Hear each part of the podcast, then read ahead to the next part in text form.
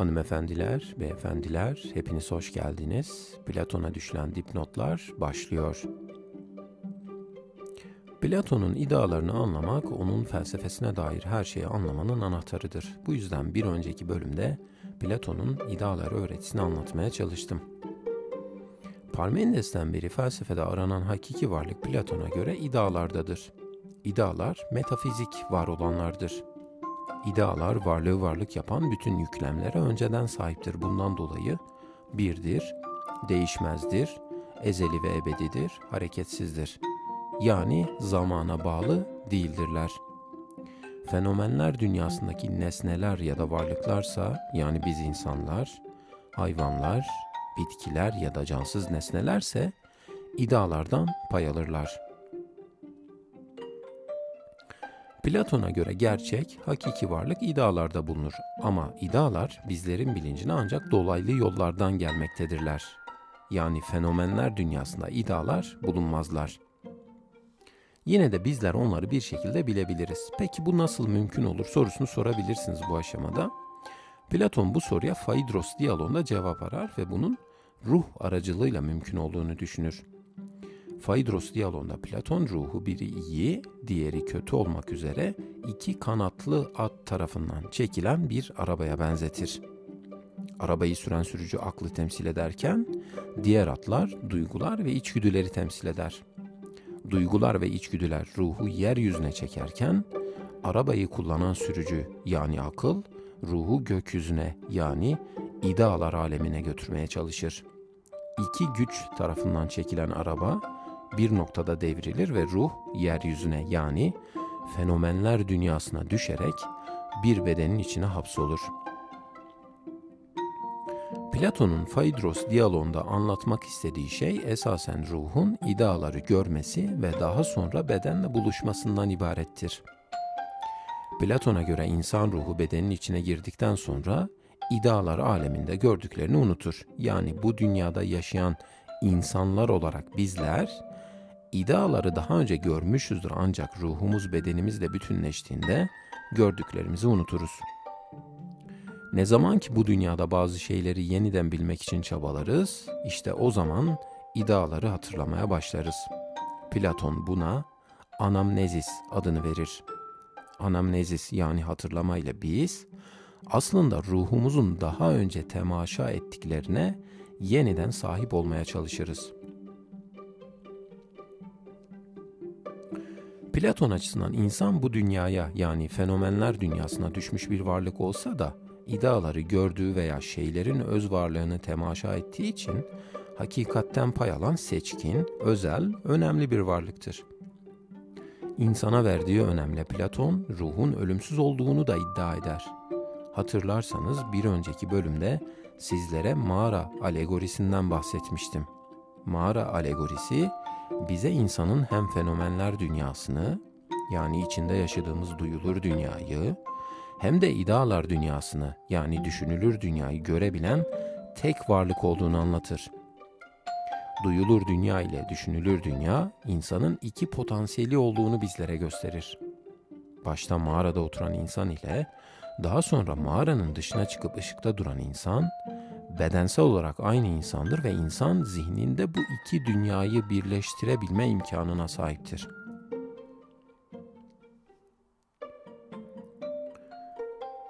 Platon açısından insan ruhları bir hiyerarşik düzene sahiptir. Yani bazı ruhlar yukarıda, bazıları ortada, bazıları da aşağıda yer alır. Buna benzer şekilde Platon, idealar açısından da hiyerarşik bir düzenin olduğuna inanır. Peki bu hiyerarşinin en üstünde hangi ida yer alır sorusu akla gelebilir. Platon'un bu soruya cevabı iyi idası olur. İyi, Platon'un idalar öğretisindeki en yüksek ve en değerli idadır. İyi aslında ideaların idasıdır. İyi idasını güneşe benzetebiliriz aslında. Nasıl ki güneş dünyadaki tüm varlıkları ve nesneleri ışığıyla aydınlatıyorsa, iyi iddiası da benzer şekilde hem idealar dünyasındaki hem de fenomenler dünyasındaki bütün varlıkları ve nesneleri aydınlatmaktadır. İyi idası en yüksek ida olması açısından diğer idaları da ida yapar. Yani onlara varlık kazandırır. İyi, bütün idalarda olduğu için fenomenler dünyasındaki her şeyde mevcuttur ve her şeyi biz insanlar için faydalı kılar. Buna şöyle örnek verebiliriz. Biz bu dünyada bir şeye iyi dediğimizde aslında onun tam olarak ne olduğunu anlatmaya çalışırız. İyi bir insan tam anlamıyla insandır mesela ya da iyi bir öğrenci tam anlamıyla mükemmel bir öğrencidir.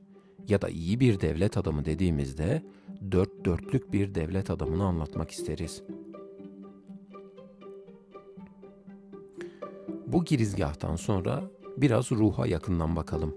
Böylece Platon'un hem hatırlama öğretisini hem de ahlaka dair görüşlerini daha iyi anlama fırsatı bulacağız. Platon kabaca ruhu üç bölüme ayırır. Birincisi ruhun iştahla ilgili maddi bölümüdür. Yani bedenin fiziksel ihtiyaçları, yemek içmek gibi fiziksel ihtiyaçlarımızın olduğu bölümdür. İkincisi ruhun heyecanlarla ilgili bölümüdür. Sevmek, heyecanlanmak, korkmak, endişe etmek gibi duygular bu bölüme dahil edilebilir. Üçüncüsü akılla ilgili bölümdür. Bu bölüm ruhun tanrısal bölümüdür. Burada ruh akılla hareket eder ve idealara ulaşmayı amaçlar. Platon'da ahlak da işte bu üç bölümle ilişkilidir. Platon'a göre ruhun her bölümüne karşılık gelen de bir erdem bulunur. Ruhun iştahla ilgili kısmı için ölçüllük erdemine, heyecanla ilgili bölümü için cesaret ya da yiğitliğe, akılla ilgili bölüm içinse bilgelik ya da sağduyu erdemine ihtiyaç vardır. Ancak bu erdemler tek başına yeterli değildir. Platon'a göre bunun için dördüncü bir erdeme daha gereksinim vardır ki bu erdem adalettir. Adalet ruhun üç bölümünü birleştiren ve bunlar arasında uyumu tesis eden en önemli erdemdir. Platon'un ahlak öğretisinde amaç en yüksek iyiye ulaşmaktır. Çünkü en yüksek iyi mutluluğun kendisidir ve insanın tüm yaşam mücadelesi mutlu olmaya yöneliktir. İnsanın mutlu olmasının anlamı zihinsel istek ve eğilimlerinin tam olarak karşılanması yani zihinsel doygunluğa ulaşmasıdır. Tıpkı hocası Sokrates gibi Platon da insanın tüm davranışlarını mutlu sona yöneltmeye çalışmıştır. Ona göre mutluluk yani iyi olma hali hepimizin isteyeceği bir şeydir. Platon açısından beden ruhun hapishanesidir. Ruh beden içindeyken tutsaktır ancak yine de ruh bedenden kurtulma imkanına da sahiptir. Bu anlamda Platon'un ahlak öğretisi aslında insanın kendi içine dönme denemesi ya da ilk halini hatırlama çabasıdır. Ruh bedeni hapishane olarak görse de, onu kötü olarak bilse de aslında esas kötülük ruhun kendisindedir. Yine de ruh, kendinde var olan kötülüklerle mücadele etmelidir. Ruh, bedenin isteklerine boyun eğdikçe ruhun işlediği kötülükler daha da şiddetlenir. Bundan dolayı yapılması gereken aklı ve sağduyuyu her zaman aktif kılıp bedenin olmadığı zihinsel bir yaşamın yollarını aramak olmalıdır. Bu yaşamda ancak ve ancak felsefeyle mümkün olabilmektedir. Felsefeye yönelen, aklı ve sağduyuyu önceleyen insanlar bedenin olumsuzluklarından kurtulma ve iyi idasına ulaşma imkanı bulur. Platon'un ahlak öğretisi stoacı ahlakta olduğu gibi mutlak anlamda acıdan uzak durmayı öğütlemez. Aksine duyulur ve maddi dünyadaki acıları ve olumsuzlukları tatmasını ve böylelikle idealara ulaşma özlemini de arttırdığını düşünür. Platon'a göre ruhun sağlıklı ve yetkin oluşu onu erdemli kılar. Erdemse ruhun yetkin olmasıdır. Bir insan erdemli oldukça yani ruhu yetkinlik kazandıkça veya bilgilendikçe iyiyi kötüden, doğruyu yanlıştan ayırt etmeyi öğrenir. O halde insanı en üstün iyiye, dolayısıyla mutluluğa ancak kendi ruhunun yetkinliğe ulaştırabilir. Ruhu yetkinliğe ulaştıracak olansa akıldan başkası değildir. Akla uyan ruh, bedenin isteklerinden kurtularak yetkinlik ve bilgelik kazanır. Bölümü daha fazla uzatmamak adına Platon'da anımsama yani hatırlamanın ne olduğunu kısaca özetleyip bitirmek istiyorum. Sokrates gibi Platon için de bilgi erdemdir ve bilgi insana doğuştan verilmiştir. Ruhun bedene hapsolmasıyla doğuştan sahip olunan bilgiler unutulur. Belli koşullarda uygun soru ve yönlendirmelerle insan daha önce sahip olduklarını hatırlama imkanı bulur. Platon buna anamnezis, anımsama ya da hatırlama der. Hatırlama, önceden öğrenilenlerin zihinde canlanmasıdır. Yani idaların zihinde yeniden can bulmasıdır. Platon'da insan ruhunun ölümsüzlüğü ve yeniden hatırlama özelliği, Yunan mitoslarında sıkça işlenen lete, unutkanlık nehrine ait özelliklerin felsefeleşmiş biçimidir. Lete ya da unutkanlık nehri sayesinde insanlar idalar aleminde gördüğü her şeyi unutmaktadır. Yunanca'da alet, üstü örtülü olmayan, gizli saklı olmayan, açıkta olan, unutulmamış olan anlamlarına gelir. Aletheia ise yalan ya da sadece görünüş olanın zıttıdır. Yani çağdaş ya da modern yorumuyla hakikattir. Öyleyse unutmanın mitolojik ırmağının adıyla aynı kökten türeyen aletheia, yalın anlamıyla unutmama demektir. Aletheia, unutmanın gerisin geriye hatırlama olarak dönmesidir. İşte Platon'un hatırlama teorisi buradan türemektedir.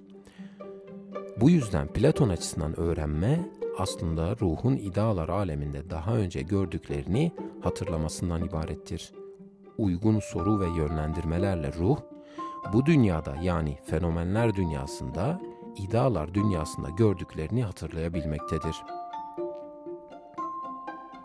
Bu bölümde sizlere Platon'un hatırlama öğretisini ve ahlaka dair görüşlerini anlatmaya çalıştım. Bir sonraki bölümde Platon'un toplumsal yaşam ve siyasete dair görüşlerini aktarmaya çalışıyor olacağım. Bir sonraki bölümde yeniden görüşmek üzere, hoşçakalın.